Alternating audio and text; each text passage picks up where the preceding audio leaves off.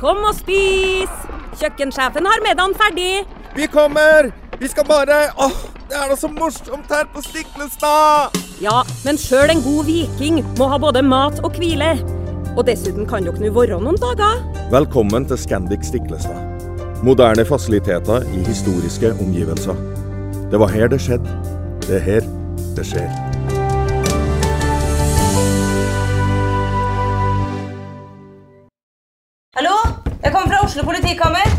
Ine Jansen er purk. Er du purk? The motherfucking bitch. Alt jeg vil, er å finne ut hva som skjedde med mannen min. Jon Carew. Er jeg sikta for noe? Iben Akeli. Det er du. Ole So, Lars Berrum og Big Daddy Karsten. Hvem sin side er du på, egentlig? Anette Hoff, Tone Danielsen, Kommer du fra Afrika? Jørnis Josef, Nesten. Kløfta. Trond Espen Seim, Det er synd å si det, men det var feil mann som døde. Purk. Premiere tirsdag på TV2 Play.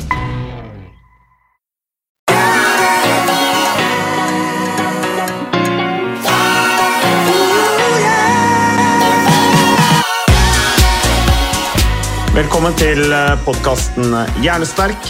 Eh, Ole Petter, eh, det er jo eh, vinterferie, så jeg regner med at du har gått litt på ski eh, kanskje aleine eller med barna dine de siste dagene, eller? Eh, Du, begge deler. Først en eh, lang økt i eh, skibakken. Jeg har en liten eh, seksåring som akkurat har lært seg alpint.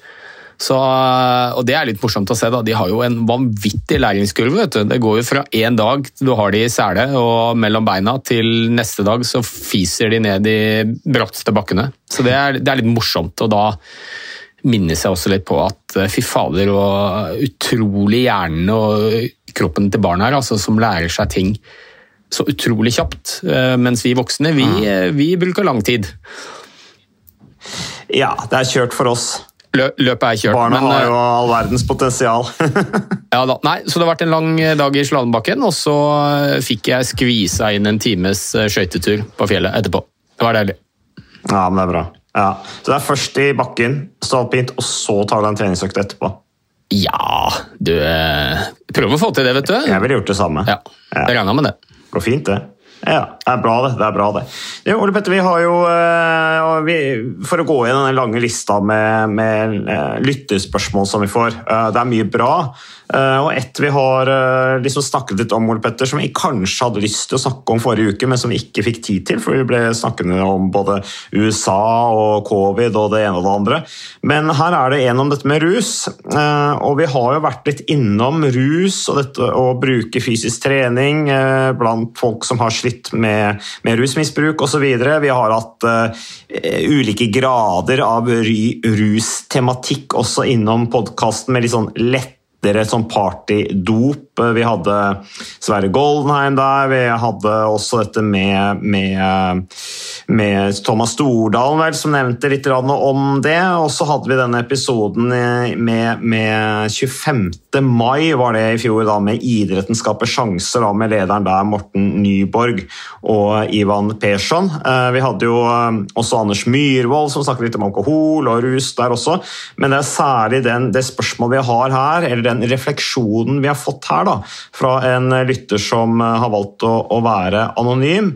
Men den, der tenker jeg at den vi hadde 25. mai med Idenskap sjanse er ganske relevant, for da snakket vi også med Ivan Persson som eh, også har vært narkoman, som snakket om sine erfaringer da, med dette her å begynne å trene, og hva det ga han. Men jeg skal ta og lese ganske langt, eh, men eh, kan begynne å lese opp. Takk for flott podkast. Jeg hører på episodene og føler at det gjør meg hjernesterk.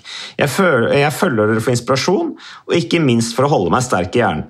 Fra august 2021 og frem til sommeren har jeg et prosjekt gående med min bror, som vi kaller for Prosjekt Livsgnist.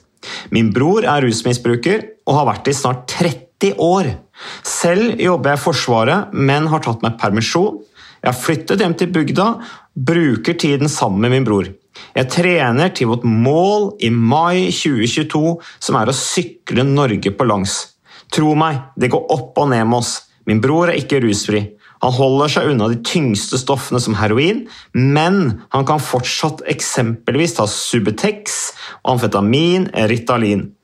Han går også på ganske store doser med Sobril og Risperdal for angst og psykoser.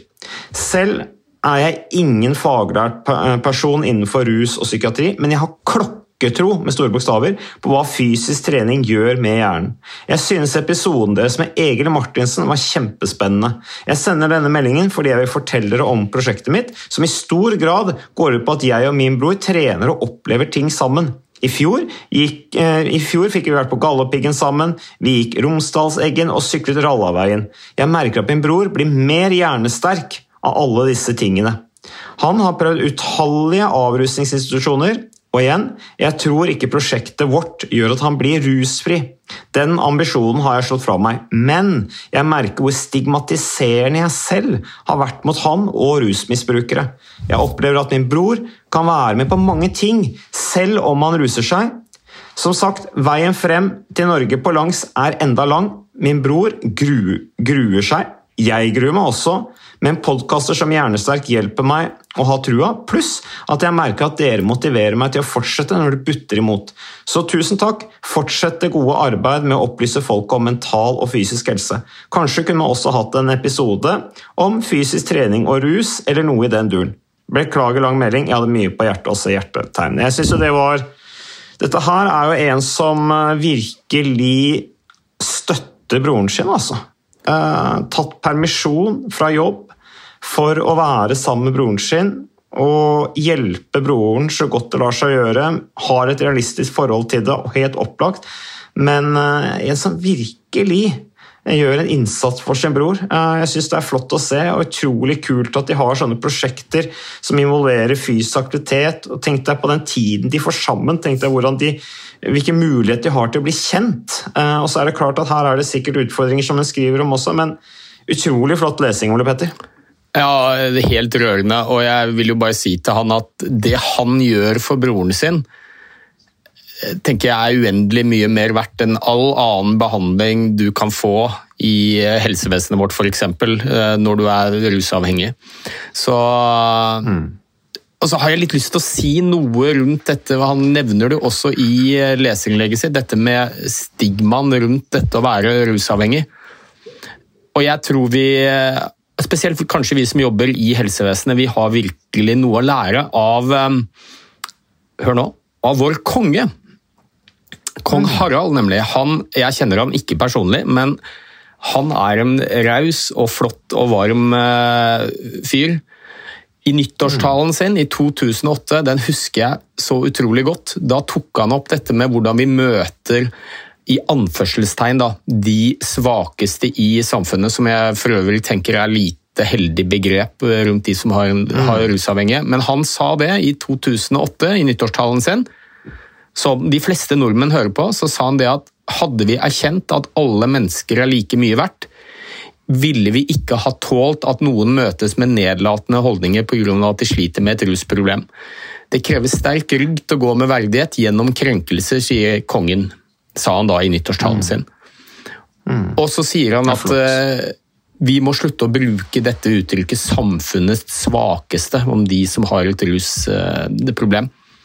Og Han sier også at i realiteten er det noen av de sterkeste blant oss. Og Det er jo et veldig godt poeng. Du skal være ganske tøff og sterk eh, og gå med verdighet gjennom alle disse krenkelsene som mange av disse menneskene møtes med.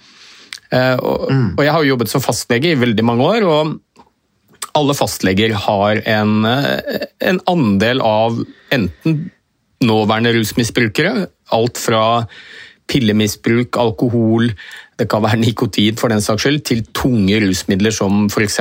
heroin. Vi har alle disse pasientene på lista vår, og man blir jo godt kjent med dem når man er fastlege. Og jeg må jo bare si det at eh, jeg har også hatt en ja, betydelig andel av disse pasientene og blitt godt kjent med dem. Og, og, og noen av disse tyngste rusmisbrukerne, det er, altså det er rett og slett noen av de tøffeste og flotteste menneskene jeg har møtt. Fordi Jeg tror vi har en tendens til å tenke at er du rusmisbruker, så er det det du er. Det er det du blir eh, altså Det er på en måte stempelet ditt, det er hele deg. Men som alt mulig annet av sykdom, om du har hatt et hjerteinfarkt, hjerneslag, så er det en liten del av deg. Du er et helt menneske. Så, Så jeg tror jo noe av det første vi må gjøre hvis vi skal prøve å hjelpe de som har et alvorlig rusproblem, det er å møte dem med mer anerkjennelse og verdighet. Eh, de blir møtt med nedlatende holdninger, også i eh, helsevesenet. Så det er noe jeg brenner veldig for. Og jeg tenker det han her gjør for broren sin, det, ja, det er helt, helt fantastisk. Ja, eller hun. Vi vet ikke om det er Eller han hun. eller hun. Det er godt poeng. eh, Godt poeng. Mm. Men uh, du nevner uh, at dette her er at veldig mange rusmisbrukere er veldig sterke personer uh, som har gått gjennom ekstremt mye tøffe påkjenninger. Eh, som, eh, som krever mye ryggrad for å stå i. Eh, jeg syns jo Ivan Persson, som vi hadde på podkasten, er et godt eksempel. Jeg har hatt litt kontakt med han etterpå. Opplevd en veldig sterk fyr. og virkelig på en måte ta tak i ting. da. Og, og, og stå på og kjemper. og også en veldig omsorg også for andre i, i en lignende situasjon, så, så, som sliter med det samme.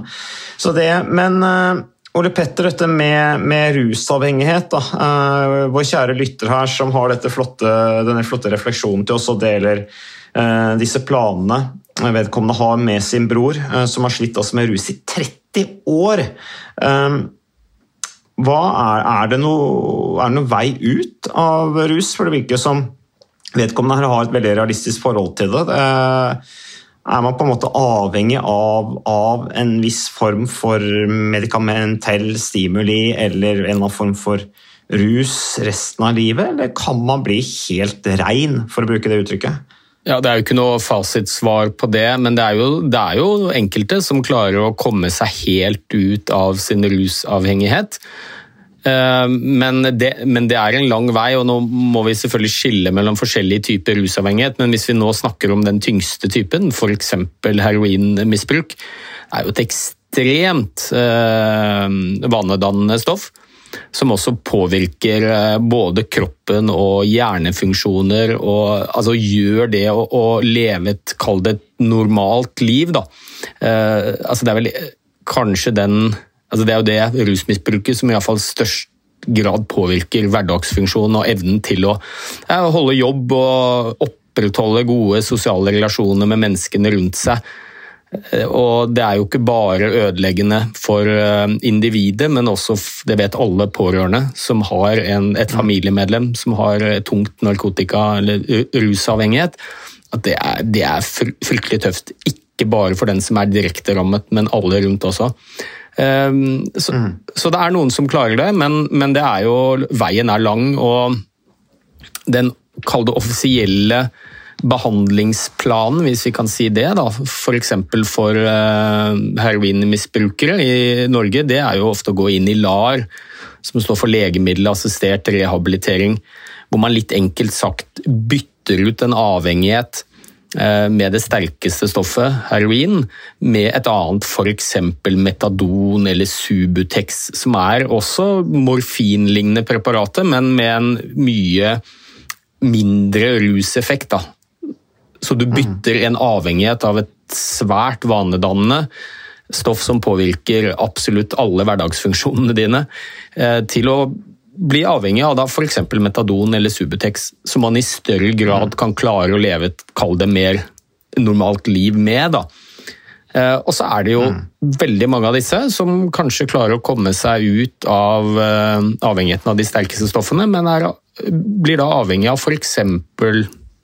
Sobril, det vi kaller benzodiazepiner, som man kan få forskrevet av lege, men det er veldig strengt. Legene blir ofte veldig strenge rammer for hva vi leger får lov til å skrive ut til tidligere rusmisbrukere. Dette er jo legemidler som brukes mot angst, f.eks., men spesielt strengt eh, for oss leger å skrive det ut, så mange kjøper jo det da illegalt på gata, med de utfordringene det medfører også.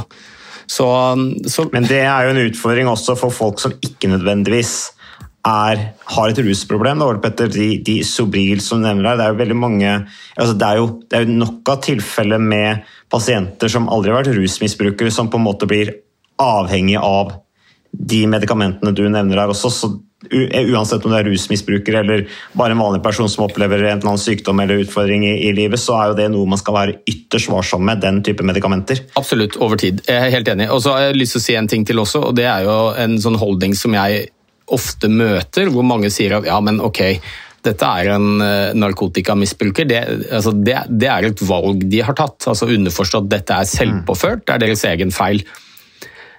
Og, og men i virkeligheten så er det jo mye mer nyansert og komplekst eh, enn det.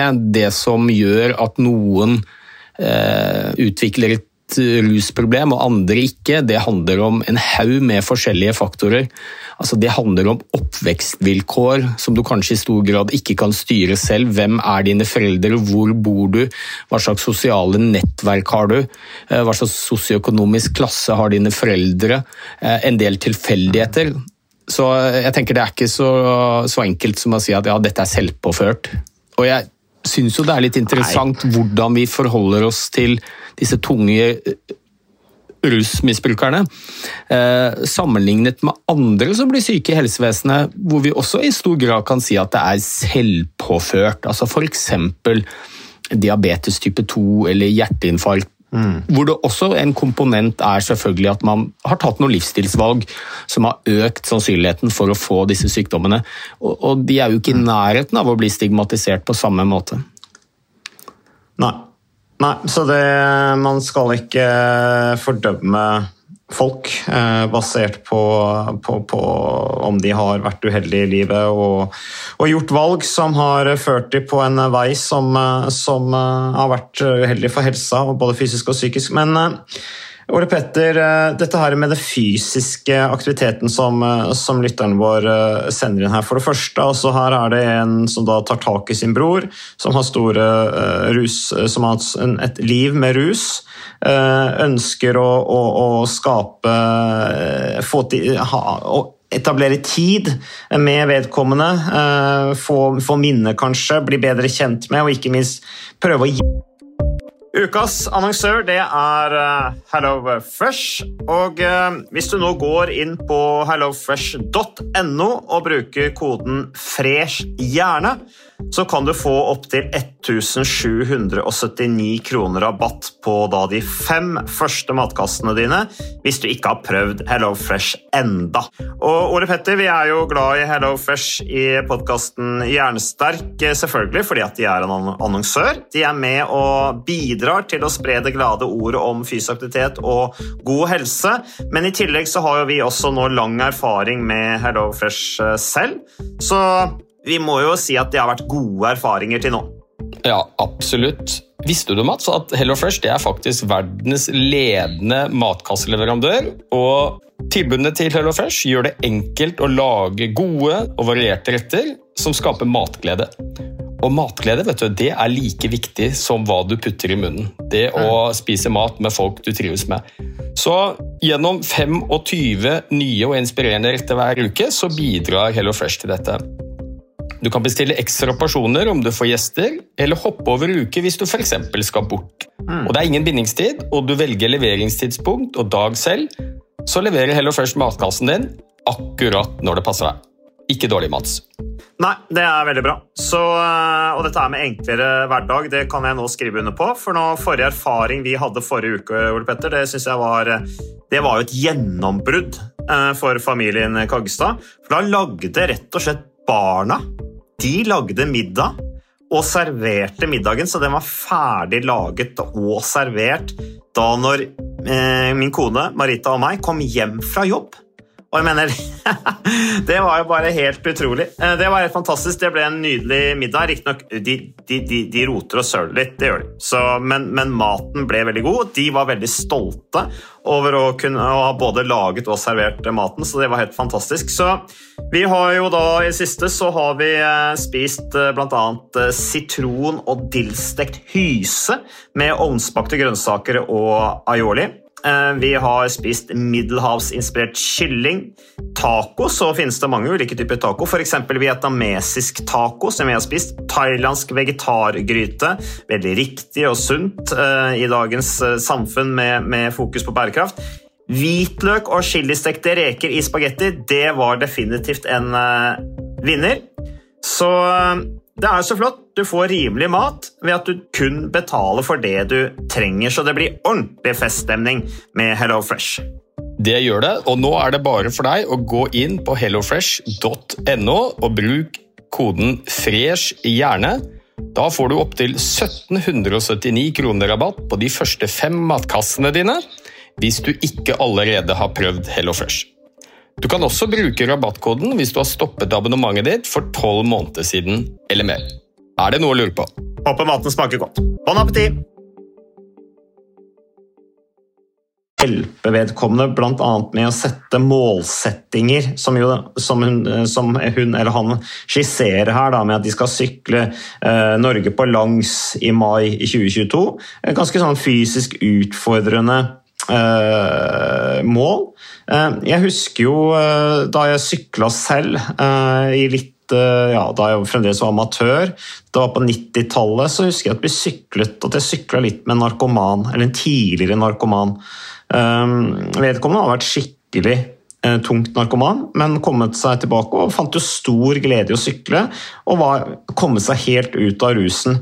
Uh, men det der uh, å, å, ha, å, å set, lage disse målsetningene som, som beskrives her, det, det må jo skape en mestringsfølelse tenker jeg, og i tillegg da gi en mening med livet ved at det er et mål, en utfordring, Eh, som, som helt sikkert eh, oppleves som krevende, men som allikevel fremdeles er mulig å få til. Eh, og den fysiske aktiviteten, altså Hvorfor, hvorfor tror du, Ole Petter, at det er nå beskrev jeg én person jeg kjenner som ble veldig opptatt av fysisk trening, sykling, etter rus. og Jeg har flere eksempler på det. Vi hadde Ivan Persson også som, som løper mye. ikke sant? Hvorfor er det sånn at trening, fysisk trening oppleves som en stimulans for folk som har, uh, har, har drevet uh, med rus? Ja, jeg vil jo bare, og jeg skal selvfølgelig svare på det. Jeg har bare lyst til å si at jeg har også mm. klokketro på fysisk aktivitet og trening som én av flere ledd i oppfølging, rehabilitering av rusmisbrukere. Og jeg tror det er flere grunner til at Forskningen nå viser at det er veldig effektivt. Det er en av de viktigste tingene vi faktisk kan gjøre for en del av disse som er rusavhengige. Og um, heldigvis så, så er jo dette med trening nå igjen gått fra å være litt sånn kuriositet og privat anliggende til å bli ansett for å være medisin. Også i disse fagmiljøene som jobber med rusavhengige. Og det er spesielt eh, en kompetansetjeneste som heter ROP, det er altså Nasjonal kompetansetjeneste for samtidig rusmisbruk og psykisk lidelse, som nå virkelig jobber for å få trening inn som ett av flere behandlingsalternativer for de som er rusavhengige. Mm. Uh, og jeg tror det er flere grunner til at treningen viser seg å være effektiv.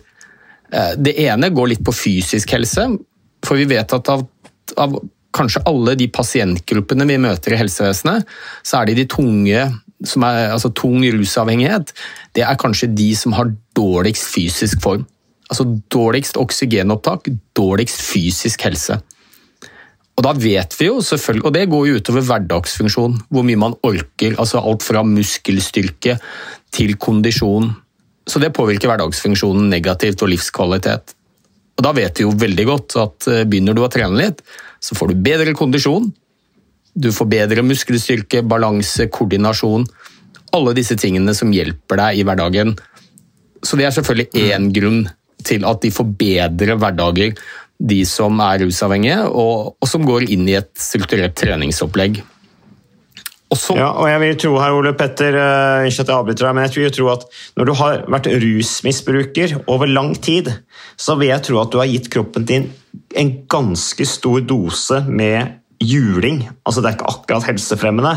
Så hvis du først kommer i gang med fysisk trening og kanskje ruser deg mindre, så, så, så må det jo på en måte Gevinstene av å bygge opp kroppen igjen må jo føles veldig deilig, det òg. Ja. Altså, det må jo føles meningsfylt. Ja, helt klart. Og det er klart de som har vært eh, avhengig av tunge rusmidler, sånn som eh, broren til denne som har skrevet inn leserinnlegget, har vært i 30 år Én eh, ting er jo hva dette kjemiske stoffet heroin gjør f.eks. med hjernen din og hjernefunksjoner, men vi vet jo at de som er inne i tung rusavhengighet, f.eks. heroinavhengige, det går jo utover kosthold, det går utover søvn. altså Alle de sosiale relasjoner, alle disse faktorene som er viktige og som eh, beskytter helsa vår, de blir jo ofte ganske neglisjert av åpenbare grunner når du er avhengig av f.eks. heroin. Så, så jeg tenker det er iallfall én veldig viktig grunn til at treningen hjelper disse pasientene. Det andre er jo det jeg sa i sted, at det viser seg at en veldig stor andel av de som har tung rusavhengighet, de har også en psykisk lidelse. Det vanligste er jo angst og eller depresjon, som selvfølgelig også forverrer livskvaliteten. Og der er det jo kanskje aller best dokumentert at regelmessig trening gjør noe med psyken vår.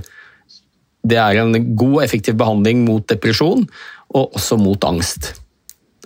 Mm. Så, så, det er jo én del av det. Ja. Og så er du inne på dette med den kjemiske balansen. Og det som skjer når du tar eh, vanedannende stoffer, da, og det, hvis vi nå f.eks. snakker om amfetamin og kokain, heroin, mm. så vil det bl.a. føre til en ganske stor belønning i hjernen vår. Altså, det er jo ruseffekten. Den skyldes mange kjemiske stoffer, men bl.a. dopamin. Noradrenalin, adrenalin, altså noen kjemiske stoffer vi kaller katekolaminer. Og når vi trener, så skiller vi ut masse av disse stoffene også. Og Det er vist i en del studier at uh, selvfølgelig så vil ikke den rusen du får ved å trene, den vil ikke kunne erstatte en heroinrus, men den vil kanskje lindre suget noe. Lindre litt av mm. abstinensfølelsene. Mm. Så det kan være en også forklarende årsak til at eh, en del av de som eh, er rusavhengige, eller kanskje har vært det og prøver å komme seg ut, de opplever kanskje at det er litt lettere å holde seg unna de tyngste stoffene, iallfall når de samtidig trener. Mm. Og så tror jeg kanskje det siste, og muligens det viktigste, det er jo dette med mestring. Ikke sant. Jeg skulle akkurat til å si det. Ja, og, og, det, det er jo en følelse av å gjøre noe meningsfylt. Noe som er akseptert du er ute i naturen og, og, og får litt perspektiver som du kanskje som du har gått glipp av over for lang tid. Kanskje til og med ute sammen med andre mennesker som aldri har vært i rusmiljøet, men som plutselig aksepterer deg som person. Og Det tror jeg jo også er en del av Vi snakket om dette med idretten skaper sjanser, at det er en viktig del av det. altså At folk blir på en måte integrert. da i det vanlige samfunnet og blir akseptert og, og, respektert på en helt annen måte enn det de har opplevd på mange mange år. Ja, og det, Jeg hadde jo en sånn treningsgruppe på legekontoret mitt hvor vi hadde egentlig tverrsnitt av alle pasientene som vi har. og Det var eh, menn og kvinner, unge, gamle. Noen var relativt friske, noen hadde alvorlig sykdom, noen var eller hadde vært rusmisbrukere. Og Der hadde jeg en pasient som er nå 65 år ifølge ham selv, og det har jeg ingen grunn til å ikke tro på, uh, så er han den eldste nålevende heroinisten. Altså Han er den som har stått på heroin lengst og blitt eldst. Han har gått opp, opp i 60-årene, har nå klart å komme seg bort fra det. Og det han sa, var jo at han følte jo at i store deler av sitt voksne liv så hadde han gått på ett nederlag etter et annet altså Som han sa, jeg, hadde, jeg har jo ikke noe lyst til å leve som tung heroinmisbruker. Det er ikke et verdig liv, men det er fryktelig vanskelig å komme seg ut av det. Så han hadde tatt noen dårlige valg, men når han først hadde blitt mm. avhengig, så var det fryktelig vanskelig å komme ut. Og opplevde at han det var det ene nederlaget etter det andre. Han hadde vært i LAR, han hadde vært i rehabilitering, hadde sprukket, mm. hadde mistet familien sin, mistet huset, mistet jobben. Eh, og så kom han inn i en sånn mosjonsgruppe hvor vi trente sammen, og det han sa var For det første så var det utrolig fint å ha mennesker rundt seg som ikke var rusavhengige, for han sa hele mitt nettverk er rusavhengige. Og, og da er det jo selvfølgelig vanskelig å komme seg ut av det også, når alle du kjenner enten har vært eller er rusavhengige. Komme i et annet miljø føle anerkjennelse og ikke minst mestring. Altså, han fikk til disse øvelsene og møtte opp hver eneste uke Mm. Um, og den mestringsfølelsen han, den, den, hadde ikke han opplevd på 40 år siden han var ung gutt. Eller ung. Så, um, så, det tror jeg også er viktig, og det tror jeg også Også tilhøre et miljø, da, Ole Petter. ikke sant? Det der å, når, når alle får på seg treningsdrakta så på en måte møtes man litt på samme nivå, på en måte. Det er ikke noe Det, det er jo akkurat det man sier også ikke sant? om fysisk trening i næringsliv og sånne ting, at det er så lagbyggende og de tingene der. For da møter administrerende direktør sammen med alle ansatte, og så trener ikke sant? Det er, det er så, Du er på en måte en del av et miljø hvor, hvor det er, det er, det er, man har dette til felles. Da. Uh, så, så det tror jeg på en måte også er litt sånn ja, lettere for kanskje folk som De får gjerne ha kanskje litt sosialangst osv. òg, da. Uh, og skulle plutselig menge seg med vanlige folk, for å bruke det uttrykket. Ja. Det gjør det lettere da, om man møtes på trening, f.eks. Ja, og det sa han, ikke sant? Han følte nå plutselig at han var ikke han der rusavhengig, han var Per. Det er riktignok ikke hans mm. ek ekte navn av personvernhensyn her, men han sa det at alle mm. de andre tiltakene han hadde vært med på, det var skreddersydd for rusmisbrukere. Han følte bare at ok, her er det en gjeng med rusmisbrukere som vi skal prøve å hjelpe. Her var han bare én av mm. mange. Alle hadde en eller annen diagnose eller en utfordring, men det var ikke det de ble definert som. Nei. Han var bare Per, han. Nei. Så og Det der tror jeg er litt viktig også, at eh, vi har jo nå begynt å få en del gode strukturerte oppfølgingstilbud for de med tung rusavhengighet, som bl.a. inkorporerer trening. Og Det er jo gjerne strukturerte opplegg som kanskje kan vare noen måneder. Men så er det store spørsmålet hva skjer når du er ferdig med det? Hva er, hva er det du går tilbake til da? Eh, og Her tenker jeg at det er viktig med noe sånn tilbud som f.eks. idretten skaper sjanser fordi eh, mm. hva gjør du når du er ferdig med ditt tolv ukers rehabiliteringsopplegg, som bl.a. har inkludert trening, så er du helt overlatt til, eh, deg sjøl. Kanskje har du ikke noe sted mm. å bo. Eh, du har ikke noe solid nettverk, støttefunksjoner rundt deg. Du har, vært, du har ikke jobb. Ikke Hvor enkelt er det da å, å, å, klare å stå i det som rusfri? Mm. Så det er jo viktig at disse blir fulgt opp, altså man har noe tilbud for det, det er Én ting er den rene rusavhengigheten, men det, det, påvirker så mange deler av livet ditt. Eh, dette med mulighet for jobb, sosiale relasjoner, familie, støttefunksjoner rundt deg. Så det må også, mm. det må også ivaretas for at man skal lykkes. Det kunne jo være konkret tips til eh, innsenderen vår her, da, eh, som vi takker veldig for sine refleksjoner, og rett og slett ta kontakt med Idrettsskapssjanser. For det er et veldig bærekraftig opplegg, og alt det du nevner der, Ole Petter, prøver jo idretten å skape sjanser og ivareta. Vi, bare for å ha sagt det, vi har ikke noe avtale med Idrett skaper sjanser. Podkasten vår, vi bare liker det programmet eh, de, de har.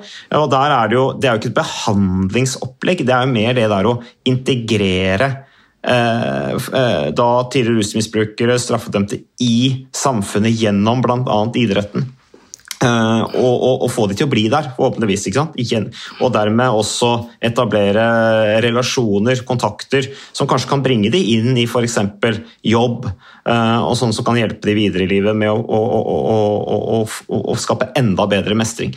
Så ja, nei, det er uh, det er uh, gøy at fysisk aktivitet også kan brukes i den sammenhengen her. Og som du sier, Ole Petter, de må nok brukes i mye større grad. Uh, og Innsenderen her også nevner jo denne podkasten vi hadde med Egil Borge Martinsen, uh, som, hvor vi snakket om dette med, med, fysisk trening i psykiatrien. Og det er klart at det gjelder jo også da for, for folk som sliter med rusproblemer, for det er, det er jo en de har jo et, en, et, en mental, de har jo mentale utfordringer, helt opplagt, uh, gjennom rusen. Uh, etter, uh, uansett hvor lenge de har holdt på med det. Så, så det var det jeg hadde å si i den saken. Petter, Ville du avslutte, eller? Ja, jeg kan jo bare si at selvfølgelig så, så er ikke fysisk aktivitet noen mirakelkur mot rusavhengighet. og Det er ikke sånn at bare begynn å trene, så blir du kvitt rusen. Så, så enkelt er det selvfølgelig ikke. Det jeg mener er jo at uh, i likhet med behandling for hjerte-karsykdom, for psykisk lidelse, så er det ett av flere verktøy vi har som vi kanskje i større grad bør benytte. Uh, relativt lavterskel tilbud som er nesten gratis, så godt som bivirkningsfritt, veldig effektivt. Uh, så kan det iallfall bidra til at mange med rusavhengighet får bedre liv. Og iallfall øker sannsynligheten for å klare å komme seg ut av det, for det er jo det de ønsker. Ja. Så um, ja, ja. Ingen, ingen, Jeg var involvert i. Nei, altså ingen, ingen mirakelkur, men, uh, men ett av flere verktøy som vi i større grad bør bruke. Det minner meg på Petter, at For noen år siden så var jeg involvert i et prosjekt med Kirkens Bymisjon. og Jeg hjalp en gjeng med trening der som skulle løpe Oslo Maraton. De skulle ikke løpe hele maratonet, selvfølgelig, men de skulle, liksom, de skulle løpe to, fem kilometer Da var det vel. Uh, og det var jo en ikke sant? Det var, det var, det, det var det var, det var ambisiøst for de. De var, liksom, de var, de var, de var nervøse og tok dette veldig seriøst. og, og, og grei. Jeg tenker fem kilometer for, for, oss, mange av lytterne på podkasten, er, er det ingenting. Men for de så det skapte bare en helt utrolig mestringsfølelse altså, når de kom i mål. Eh, så det var helt fantastisk å stå der og og, og, se de komme inn i mål, og den idrettsgleden da, og det samholdet også som opplevdes i den gruppa, eh, det var flott. Men så er dette her med ressurser ikke sant? og det er å følge det opp på sikt og på en måte gjøre det til et systematisk etablert program. Da. Eh, det har de ikke klart. altså Det er blitt borte, dessverre, da, eh, det, det prosjektet her, og det er synd. Men, men. Man får prøve igjen, brette opp erma, prøve å få det til. Fysisk aktivitet det er som du sier, det er ikke noen vidunderkur, men det er litt som vidunderkur også. Det kan brukes mot det meste, tross alt. Så fortsett å trene og ta vare på deg sjøl. Takk for eh, at du ble med fra vinterferie, Ole Petter. Og så eh, er vi tilbake med mer podkasten Hjemsterk neste uke.